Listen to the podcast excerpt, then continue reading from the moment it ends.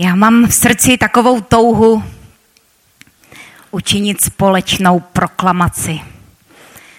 Pokud budete souhlasit, bude to reagovat ve vašem srdci, tak bych moc ráda, abychom spolu vyslovili proklamaci verš vyznání, které eh, vyzval Jozue říct izraelský národ na sklonku svého života, když je svolal všekému a, a připomínal jim všechno to dobro, které hospodin udělal v jejich životě. Připomněl jim to, jak je vyvedl z Egypta, připomněl jim všechny ty rány, kterými potrestal neposlušné egyptiany. Připomněl jim to, jak Oni sami byli v poušti a odpadali od hospodina, hřešili, odvraceli se od něho. Nicméně boží věrnost byla vždycky stejná. A Jozue říká, teď stojíme tady v zaslíbené zemi. Vyvolte si dnes, komu chcete sloužit. Já a dům můj sloužit budem hospodinu. Můžeme udělat takovou proklamaci do duchovního světa před hospodinem. Ať to tady zazní v tišině, že já a dům můj sloužit budem hospodinu. Můžeme se prosím k tomu postavit. Vy tam vidíte překlad 21, já to mám z ekumeny takže vyvolte si dnes, komu chcete sloužit. Já a dům můj budeme sloužit hospodinu. A ještě jednou, já a dům můj sloužit budeme hospodinu. Amen. Hospodine, to je rozhodnutí našeho srdce. Hospodine, to je vyznání našich životů a my toužíme vyhlásit do duchovního světa, že já a dům můj sloužit budeme hospodinu. Amen. Děkuji, děkuji, prosím, posaďte se.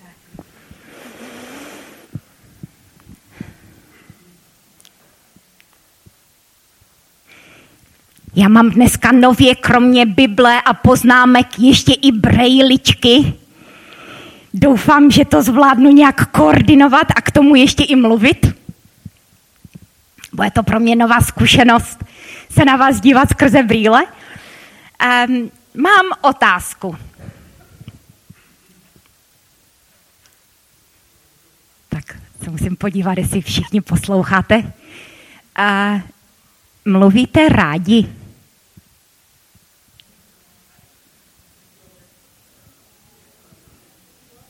Jo, jedno nesměle jo. Děkuji za upřímnost. Jeden člověk mluví rád. Já se přiznám, že já mluvím hodně ráda. Proto jsem učitelka. Já mluvím, mluvím, mluvím, mluvím v práci a ještě za to mám zaplaceno. A, a moji žáci hold nemůžou zdrhnout. Um, takže jsem za to moc vděčná. Um, já to mám tedy vyřešené, já mám lidi, kteří mě poslouchají. Komu se můžete vymluvit vy? Ono to je druhý problém, že nestačí jenom rád mluvit, ale ještě mít nějaké ucho, které by poslouchalo.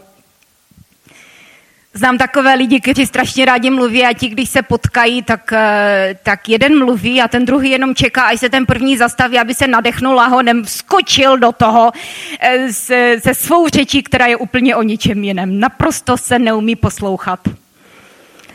A v té chvíli uh, si člověk uvědomí, jak je důležité mít i, mít i posluchače, že někoho, kdo ti bude naslouchat. Ale to je trošku jiné téma. K tomu, k tomu se vrátíme možná někdy jindy. Zpátky k mluvení, tak jsem si uvědomila, že, že člověk prostě má potřebu se vymluvit, že? Zejména pak, když tím člověkem je žena. Jsem slyšela jednoho křesťanského psychologa, který mluvil, že dítě už ve dvou letech za den má schopnost říct 15 tisíc slov. Pakliže to je holčička, tak až 25 tisíc.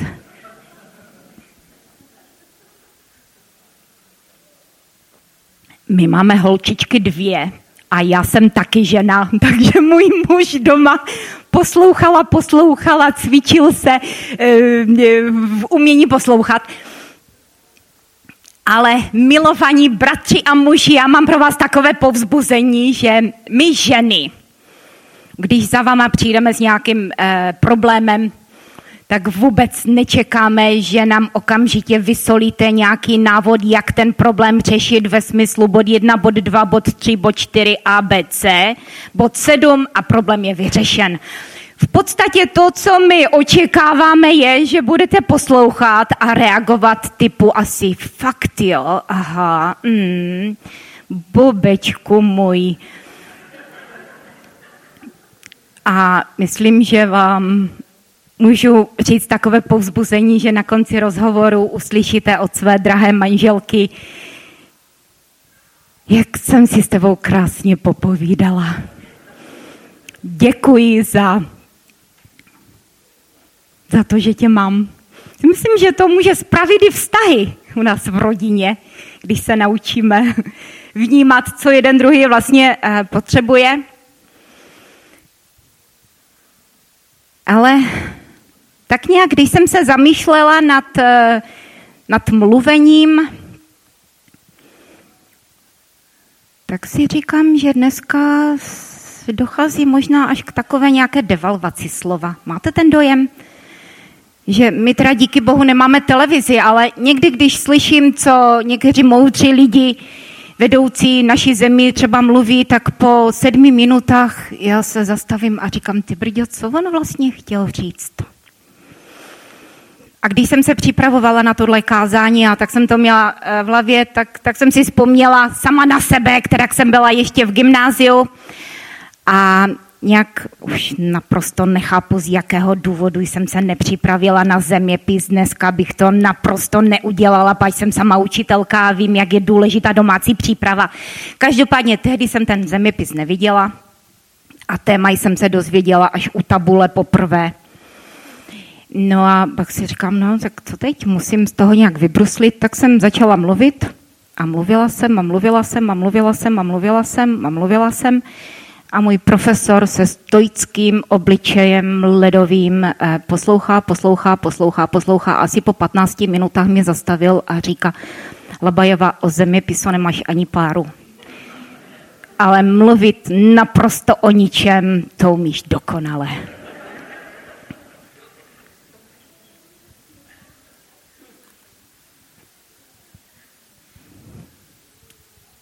Co je to vlastně slovo? Co je to slovo? Je to schopnost ventilovat nějaké svoje pocity, potřeby, emoce. Já mám doma muzikanta a slyším, že velice často Denis ventiluje to, co prožívá skrze kytaru. To pak i podle stylu poznáte, co asi.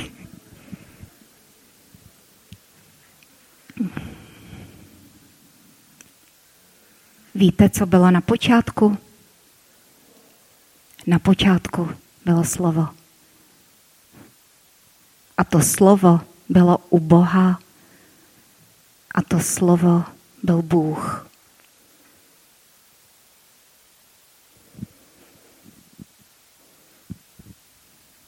Nedávno jsem mluvila se svým kolegou, zeměpisářem a docela mě šokovalo, že do dneška se vyučuje místo stvoření Big Bang teorie, teorie velkého třesku.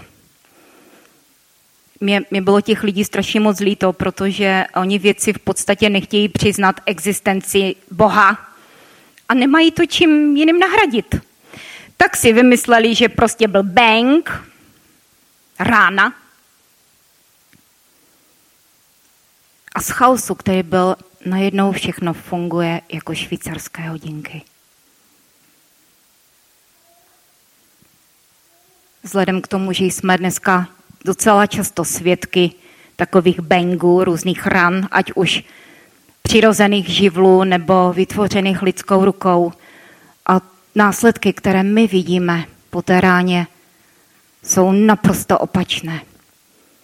Destrukce, smrt, katastrofa, zničení.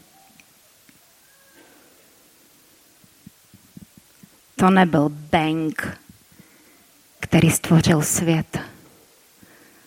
Bylo to slovo vyřčeno velikým, všemohoucím Bohem. A představte si, jakého Boha to máme, který řekne slovo a budíš světlo. A je světlo. Představte si, že Bůh řekl, budíš voda a vzduch. A je to. Bůh slovem stvořil kytičky, rostlinky, ptáky, všechny druhy zvířat. A to nejdokonalejší. Slovem stvořil člověka.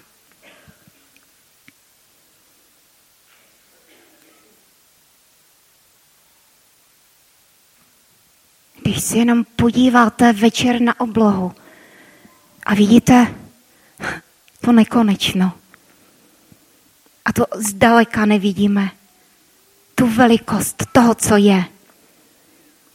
Když si uvědomíte, jak to všechno dokonale funguje, my nikdy nepochybujeme o tom, že ráno vyjde sluníčko.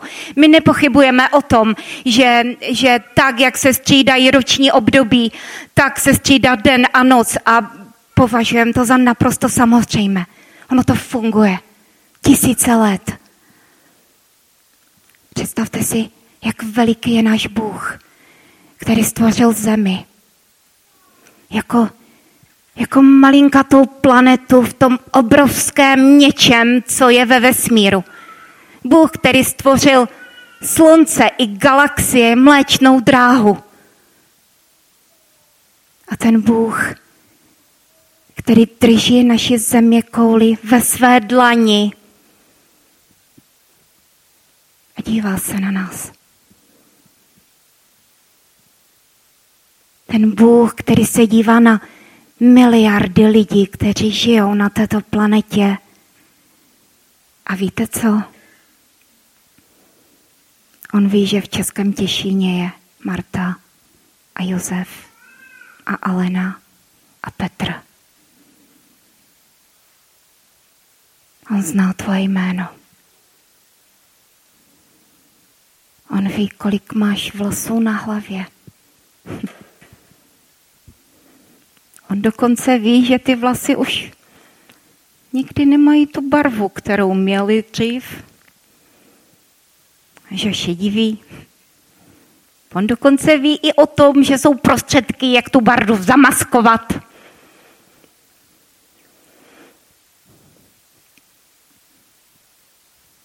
Je to Bůh, kterému na tobě i na mě strašně moc záleží.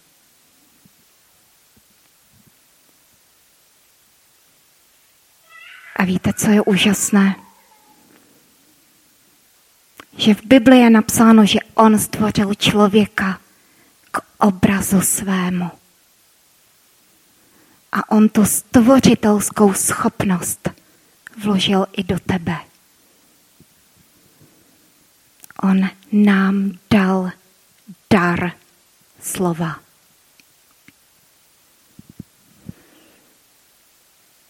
Teď je otázka, jak ten dar používáme. Používáme ho s tím správným zaměřením. Přísloví 18.21 říká, že život i smrt je v moci jazyka. Kdo ho rád používá, nají se jeho plodu.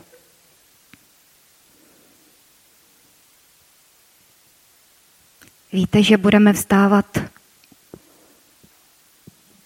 učit za každé plané slovo, které vyřkneme.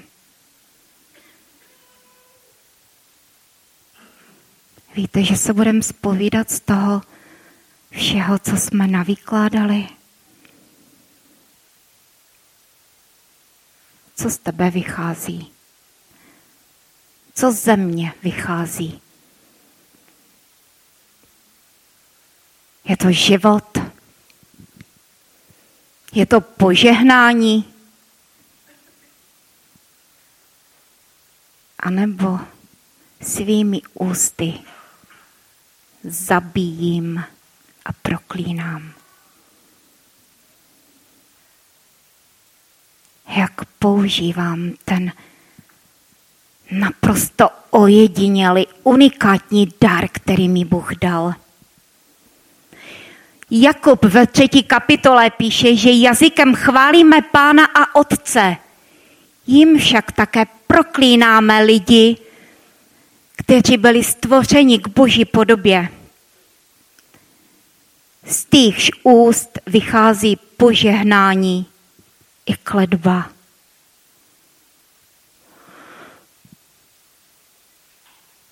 Ono je to v podstatě každodenní rozhodnutí. Rozhodni se dnes, komu budeš sloužit. Já a dům můj sloužit budem hospodinu. Komu se rozhoduješ sloužit ty dneska? Hospodinu, velikému Bohu, kterého posadíme ve své životě, ve svých myšlenkách, ve svých emocích, ve svých činech či ve svých skutcích na trůn? A nebo uctíváme problémy, které jsou kolem a mluvíme o nich? A nebo proklínáme lidi, které stvořil Bůh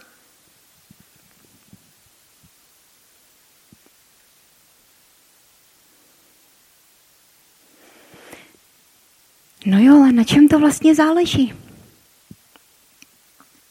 Může to fungovat tak, že ráno vstanu a rozhodnu se tak. A dneska budu žehnat, žehnat, žehnat a přinášet život. Vydržíme? Možná do snídaně. Než eh, nám kocour skočí pod nohy, my něco vylijeme,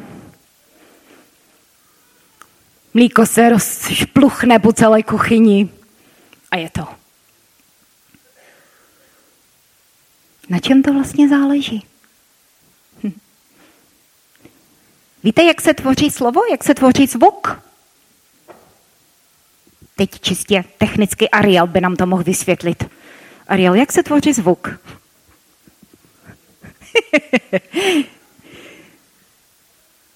já, já budu trošku asi tohle amatérsky mluvit, sorry, jestli, jestli to nebude úplně odborně. Nicméně zvuk se tvoří tady někde, aby, aby zněl dobře hlas, tak v podstatě ho nesmíme škrtit jenom tady někde nahoře, že jo, na hlasivkách, ale musí jít eh, z dola. A, a zvuk vychází tehdy, když dýcháme. Je to tak? Nemůžu mluvit, pokud nedýchám. Zkoušeli jste někdy nedýchat a mluvit? To ani takoví ti umluvení odborníci nedokážou. A já věřím, že duchovně to funguje stejně. V knize Genesis v první Mojžíšové je napsáno, že nad vodami vznášel se duch a další verš. A hospodin řekl, duch boží a slovo. Věřím, že to naše rozhodnutí záleží na duchu, který je v nás. A nakolik jemu dáme prostor ovládnout naše myšlenky i emoce. Na jiném místě v Biblii je napsáno, že z plnosti srdce hovoří ústa.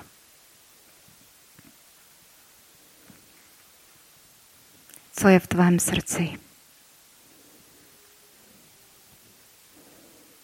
Co je v tvém srdci? Čím ho naplňuješ každý den znova a znova.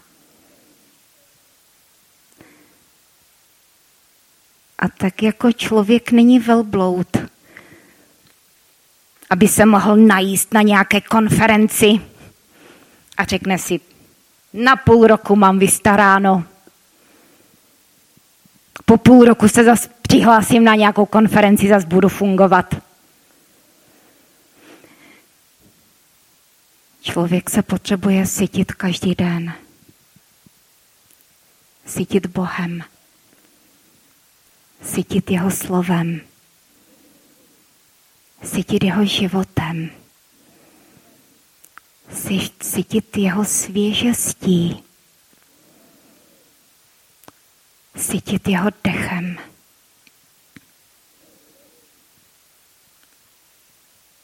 A to, co je v našich srdcích, to bude i na jazyku. Ono to potom úplně přirozeně se bude vyšpuchovat. A vůbec to neznamená, že musíme všem kolem mazat med kolem úst. Ne. Bůh je Bohem upřímným. Já můžu říct i to, co se mi nelíbí, já můžu říct i kritiku. Pokud je to v Bohu, pokud je to v lásce, pokud je to v odpuštění.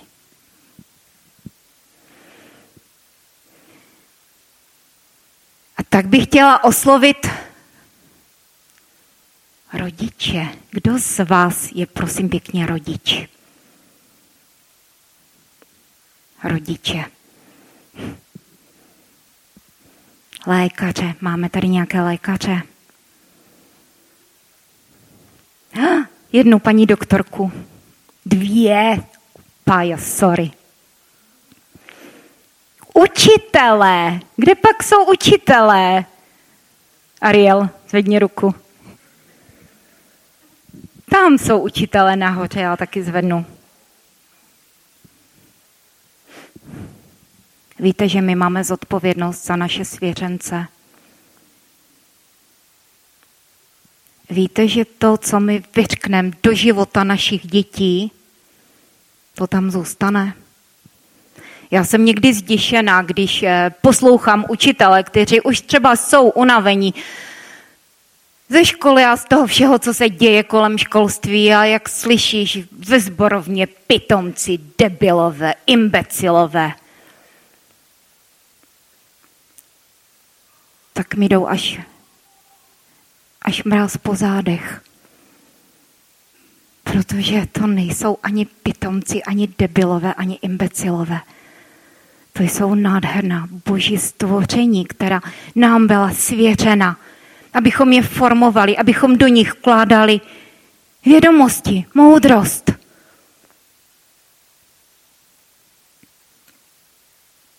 A rodičové, abych vás chtěla povzbudit k tomu, abyste každý den při odchodu vašich dětí žehnali těm dětem. Žehnejte jim. Žehnejte jim boží moudrostí. Stavte na ně ochranu od toho, co čemu budou čelit ve škole. Myslím, že to vůbec nemají jednoduché.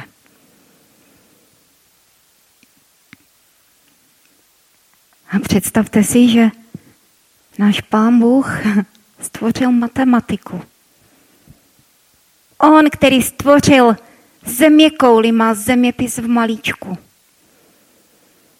On, který stvořil rostlinky a zvířata, ví o každé kůstce. On je autorem jazyků. A ten Bůh, který tohle všechno umí, je v nás. A tím vůbec nechci říct, že každý z nás teď musí být Einstein nebo nějaký polyglot. Tím chci říct, že Bůh ti chce žehnat. Pro ten plán, který má pro tvůj život. A nenech nějakému negativnímu slovu či nějakému výroku, aby tou lži ovlivnilo tvůj život. Já si vzpomínám, jak sama souhrou nějakých nešťastných okolností a náhod ještě za totality jsem se dostala na gymnázium a začala jsem s angličtinou, dostala jsem se do nemocnice. Bylo to hrozně složité.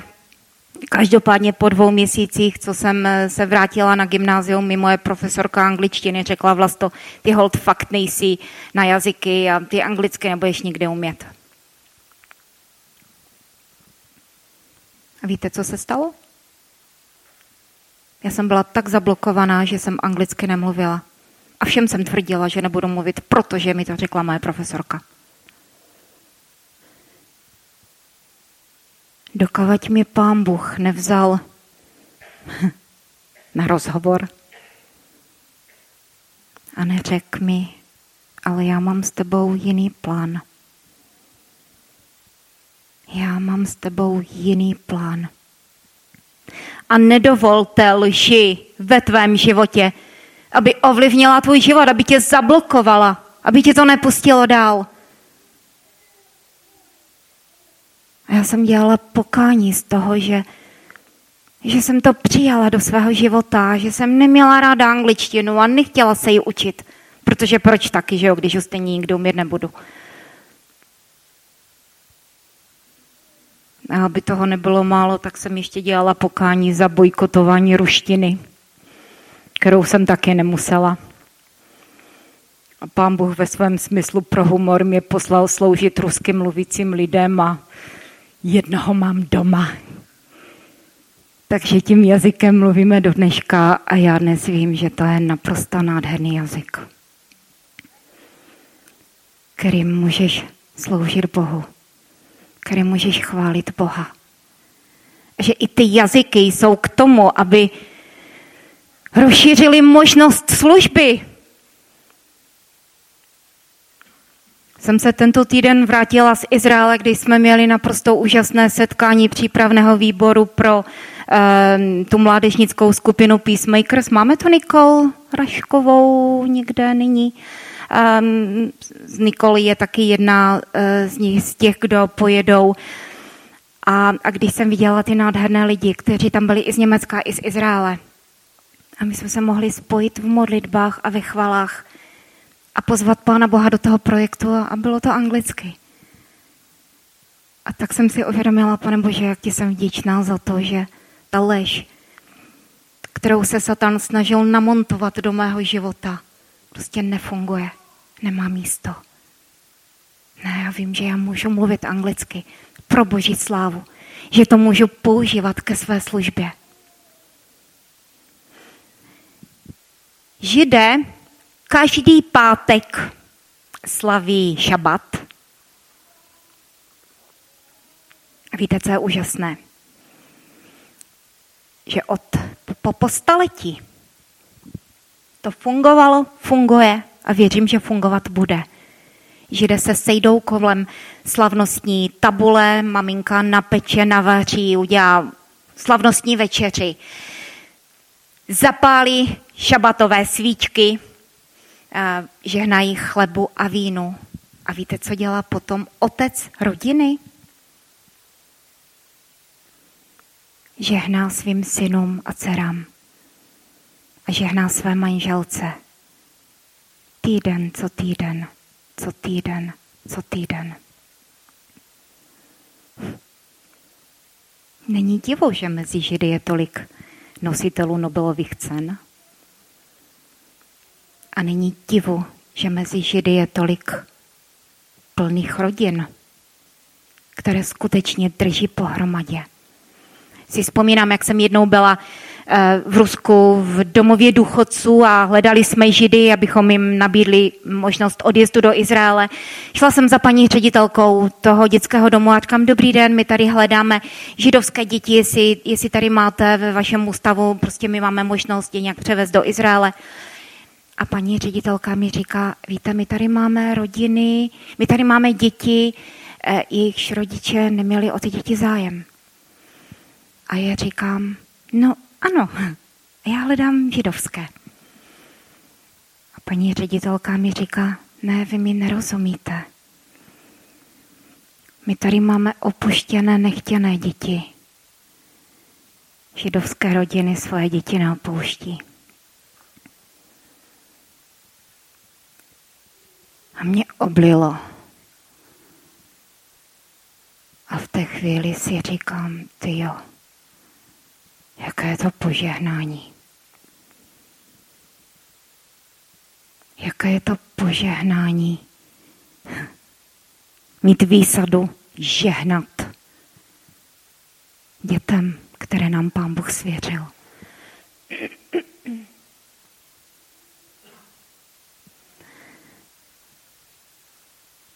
Já jsem před léty pracovala na Ukrajině, odkud jsme vyváželi Židy do Izraele.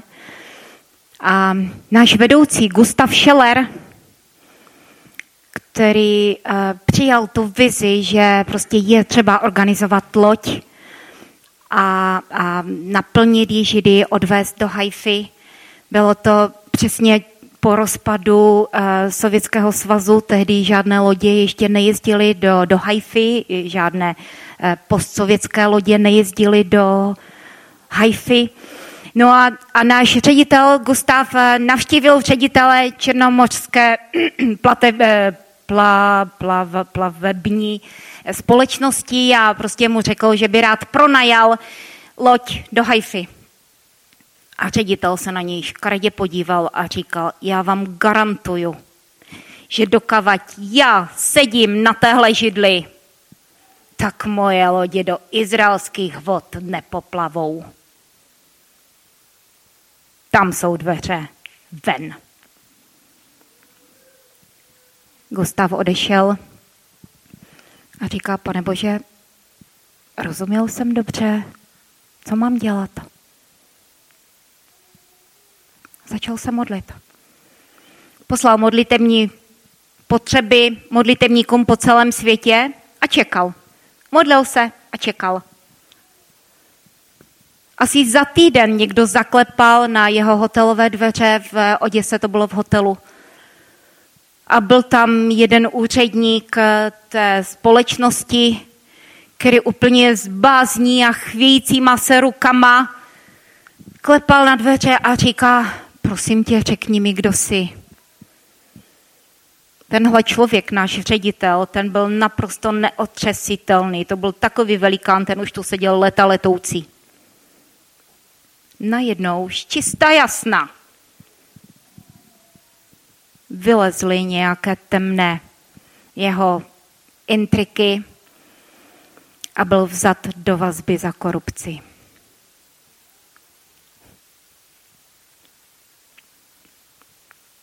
Víte, co se stalo?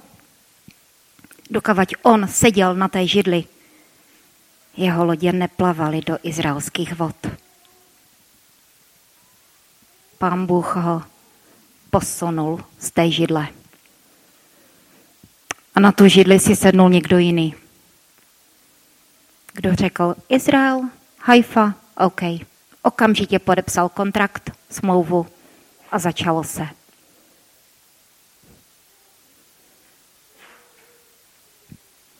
jak velká je síla slov.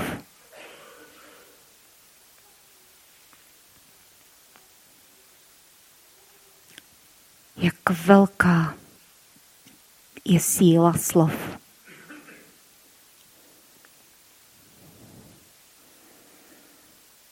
Já mám jistotu v tom, že kdybychom my sami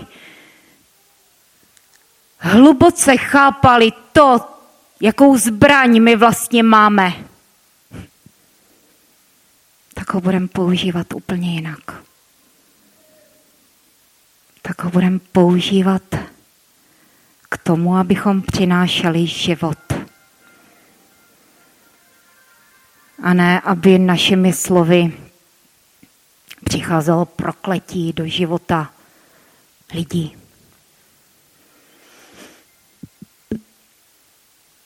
Víte, že dokonce i pomazaná, požehnaná Miriam. Kdo to byl Miriam? Sestra Mojžíše. Ta big sister, která se starala o Mojžíše ještě když byl v ošatce.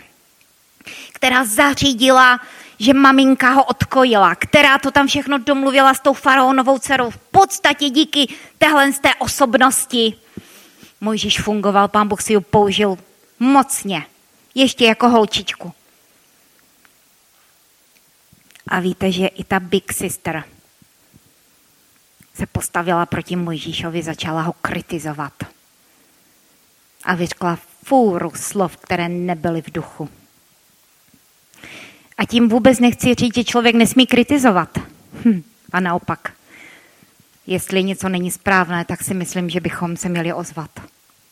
Pokud to je v duchu a pokud to je z Boha. Miriam zjevně z Boha nebyla. A víte, co se stalo?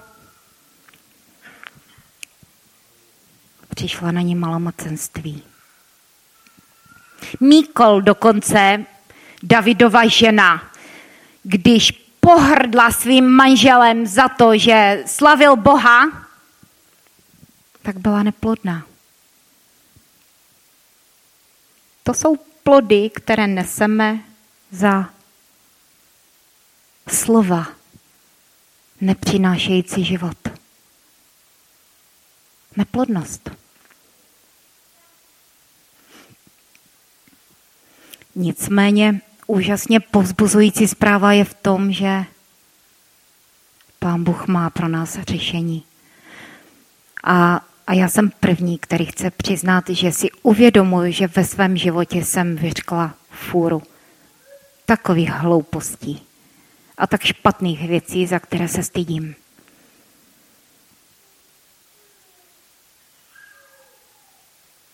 Jaké je to řešení? Hm.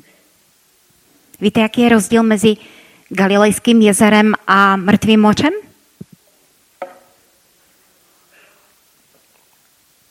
Kdo z vás jste byli v Izraeli? Vzpomínáte si, jak jsme se ponořili na mrtvé moře, lehli a četli noviny.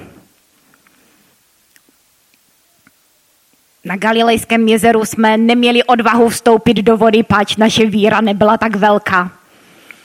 Ale když jsme se z loďky podívali do vody, co tam plavalo? Fůra ryb, fůra života, plno života.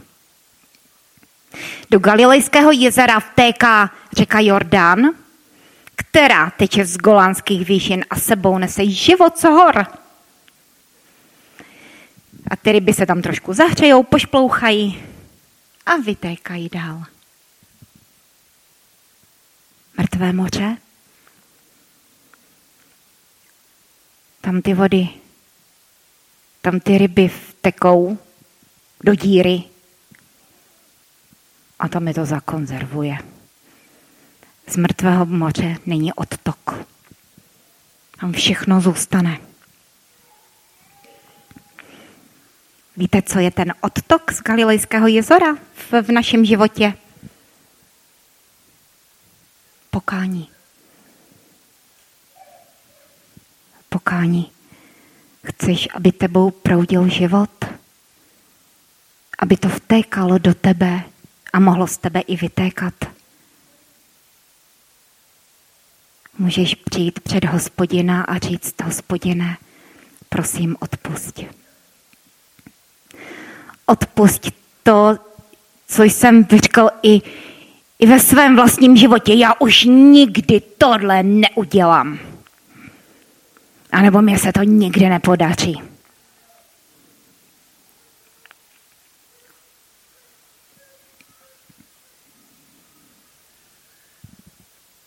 Izajáš v šesté kapitole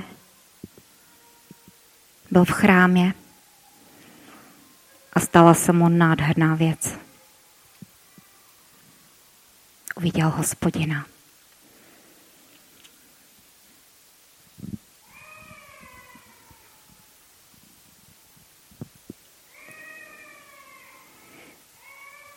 Spatřil jsem panovníka.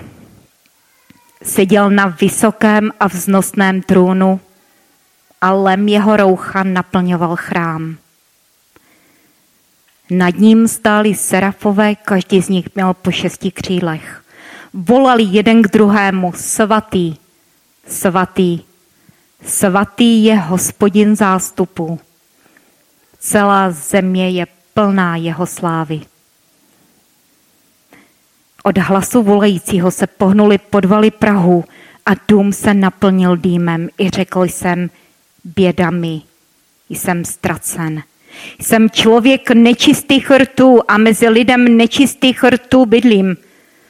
A spatřil jsem na vlastní oči krále, hospodina zástupů. Tu ke mně přiletěl jeden ze serafů, v ruce měl žhavý uhlík, který vzal kleštěmi z oltáře.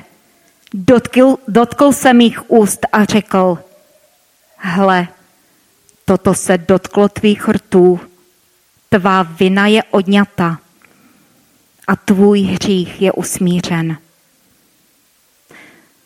V tom jsem uslyšel hlas panovníka, koho pošlu a kdo nám půjde. I řekl jsem, hle, zde jsem, pošli mne. Chváliči, prosím pěkně, něco potichu můžete hrát. Chcete jít? Chcete jít? Chcete být těmi, kdo řekne, hospodine, tady jsem, pošli mě.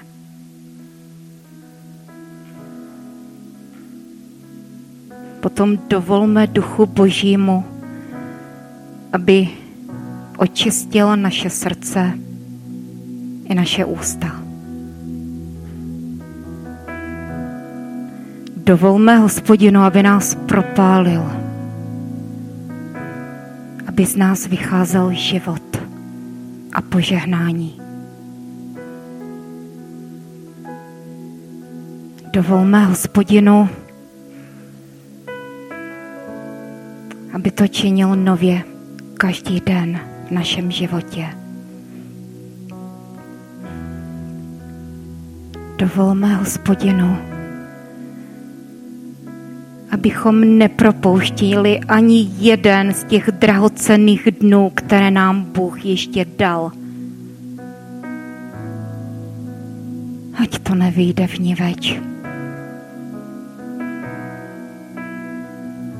Dovolme hospodinu, aby mohl naplnit svůj dokonalý plán, který má pro náš život.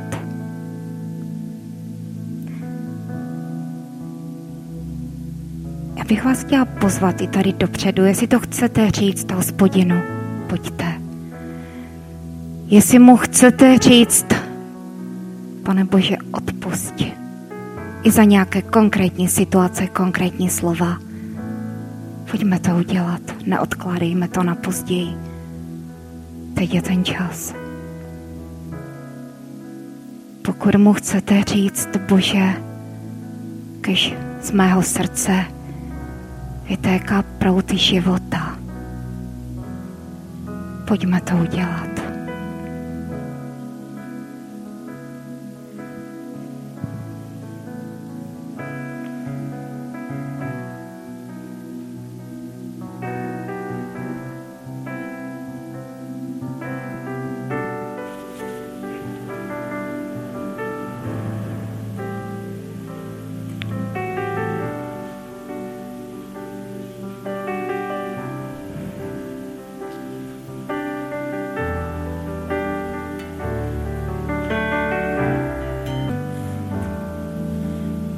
Ti děkujeme za úžasný dar, který jsi nám dal.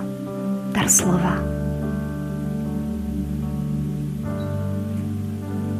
Bože, my ti děkujeme za to, že ho můžeme používat a přinášet život a tvořit.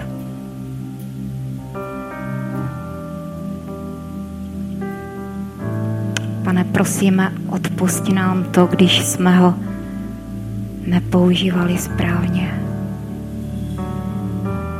Duchu svatý, prosíme tě, připomínej nám teď konkrétní situace, z kterých chceš, abychom dělali pokání. Moc tě prosíme, pane, aby si nám připomněl ty situace, kdy jsme místo žehnání proklínali, místo života přinášeli smrt, pane. My tě prosíme, odpust, odpust. Prosíme tě, odpust to, že jsme jako rodiče nežehnali svým dětem, ale jsme je proklínali. Neměli pro ně slova života. Bože, prosíme tě, odpust nám, když jsme vyřkli negativní slova do svého vlastního života. Bože, odpust nám situaci, kdy jsme přijali lež, kterou na nás nanesli jiní lidé. Lidé v autoritě, učitelé, lékaři, rodiče, vedoucí. A my říkáme ne, ne lži. My říkáme ne lži v našem životě. My přijímáme dokonalou boží vůli pro nás.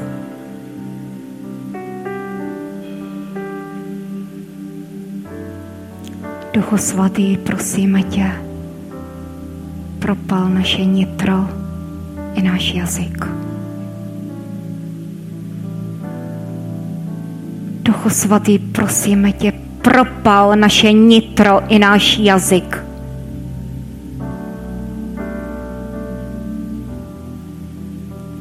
My chceme říct, ano, pane, tady jsme, pošli nás. Ano, pane, tady jsem, pošli mě.